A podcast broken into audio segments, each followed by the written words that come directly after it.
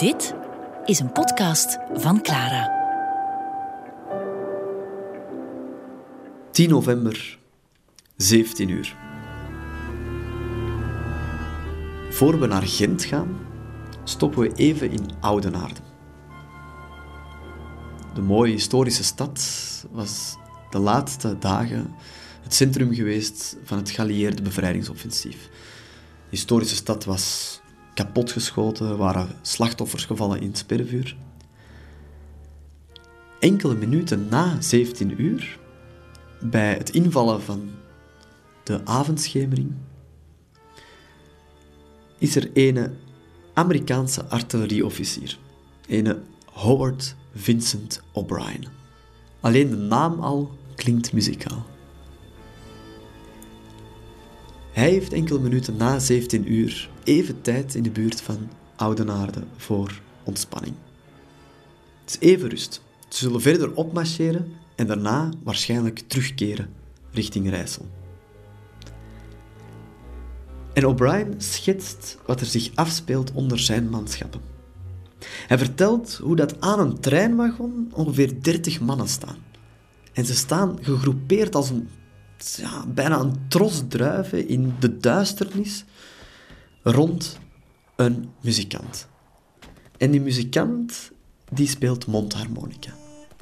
En hij speelt het deuntje van There's a Long, Long Trail. Een van de klassieke liedjes uit de Eerste Wereldoorlog. En het onophoudelijk geweergeratel vormt bijna een achtergrondklank bij die deuntjes die hij speelt. Het oplichten van de sigaretten, zo beschrijft Vincent O'Brien, is het enige bewijs dat de mannen nog ademen. En hij vertelt hoe dat hun gedachten afdwalen van de modderige weg waar ze staan. Ze zingen rustig mee, zachtjes, alsof dat ze angstig zijn om de slechte herinneringen op te roepen die hen uh, naar daar had gebracht. De herinneringen van de veldslagen nabij Iber. De herinneringen van de opmars richting Gent en Oudenaarde. En stilletjes aan komt er terug achtergrondlawaai. Niet alleen de verre knallen aan de horizon, maar ook geritsel, marsen, bevelen. En steeds luider. Mondharmonica wordt opgeborgen. De mannen moeten verder opmarcheren.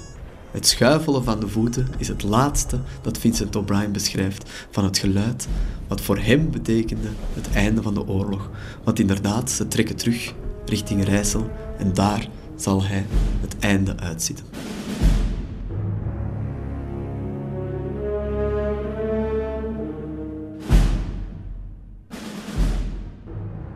In Gent was er een heel ander geluid. Het lijkt een beetje vreemd als we beschrijven hoe dat aan elk front door toch nog op verschillende plekken die laatste oorlogsuren gevochten wordt, dat in een van de steden die op punt staat om te bevrijden, eigenlijk heel weinig mensen weten wat er aan de hand is. Maar het had alles te maken met dat Gent omsingeld was, maar nog altijd in Duitse handen. En voor de zoveelste keer begon om 17 uur de Duitse avondklok. Wat betekende dat alle Gentenaars binnen moesten. En de Gentenaars kijken van achter hun gordijn angstvallig hoe de Duitsers inderdaad zich opmaken om te vertrekken. Maar veel nieuws is er niet. Ze weten alleen dat de burgemeester van de Duitsers dat die al weg is. En dat er meer en meer Duitsers samen met collaborateurs het hazenpad kiezen. Een van de meest indrukwekkende getuigenissen is die van Gentenaar Mark Bartzoen, een Franstalig dagboek. En hij vertelt over die 10 november dat voor de tiende dag op rij de Gentenaars ochtends hun woning hadden verlaten in de hoop dat er geen Duitsers meer waren in de stad. Maar de tiende dag op rij waren ze teleurgesteld. Ondertussen geen nieuws. Ze weten niet wat er aan de hand is aan het front. Ze weten niet dat eigenlijk heel Gent omsingeld is en dat ja, eigenlijk de oorlog op punt staat om te eindigen. En eigenlijk aan het begin van die avondklok, die om 17 uur ingaat, noteert hij in zijn dagboek dat Gent is veranderd in een versterkte vesting. En hij schrijft... Er stond een heel groot kanon aan de veemarkt. Men beweerde dat er nog altijd zwaar geschut stond opgesteld in de botanische tuin en in de vakschool.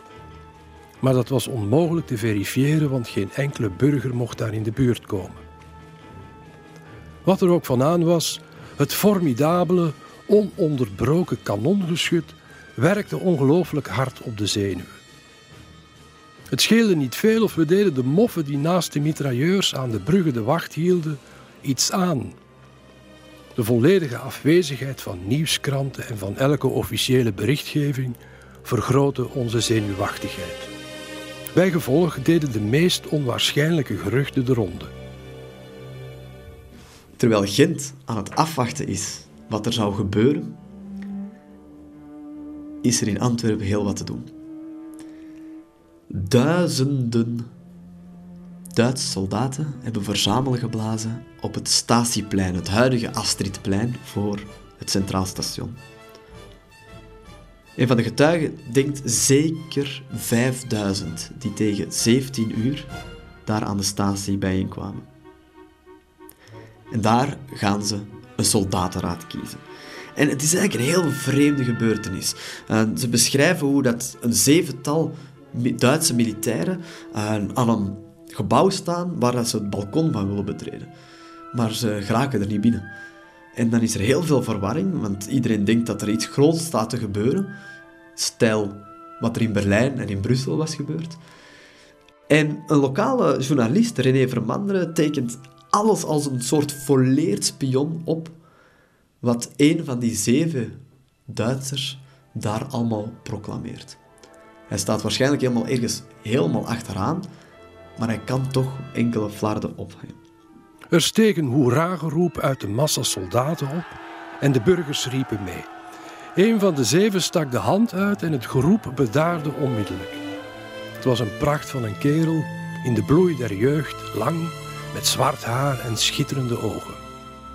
Hij sprak met korte afgeronde zinnen, was het woord volkomen meester. René Vermanderen probeert te vertalen wat hij van de toespraak had begrepen. Blijkbaar zou de man hebben geroepen: Die het beter kan dan ik, komt maar stout hier. Dus hij daagt meteen uit. En dan spreekt hij de massa toe. Forte 2, 3 en 4 zijn al in onze handen.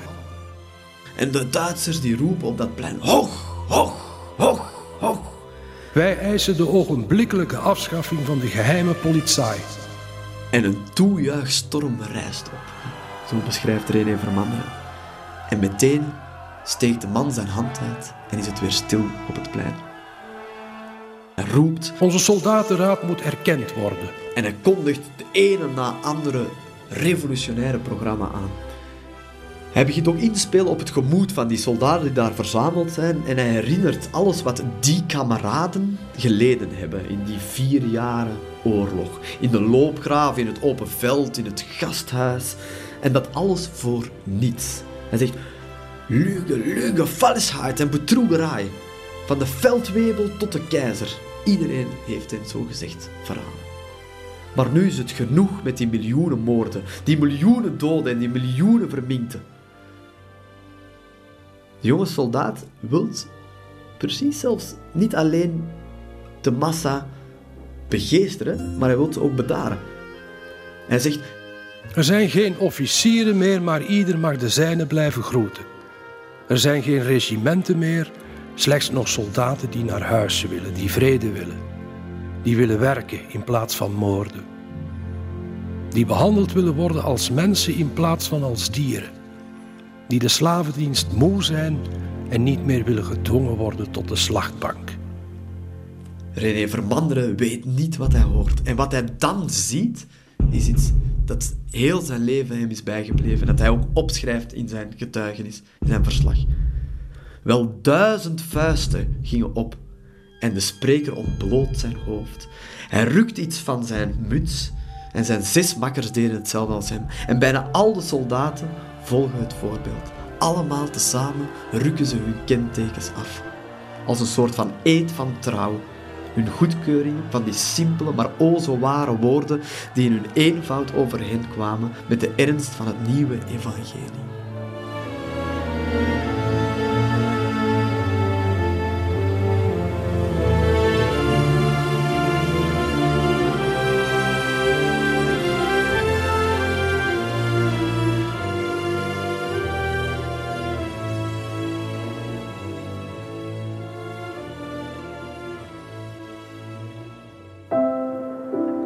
Ontdek ook onze andere podcasts via clara.be. Clara Podcast. Blijf verwonderd.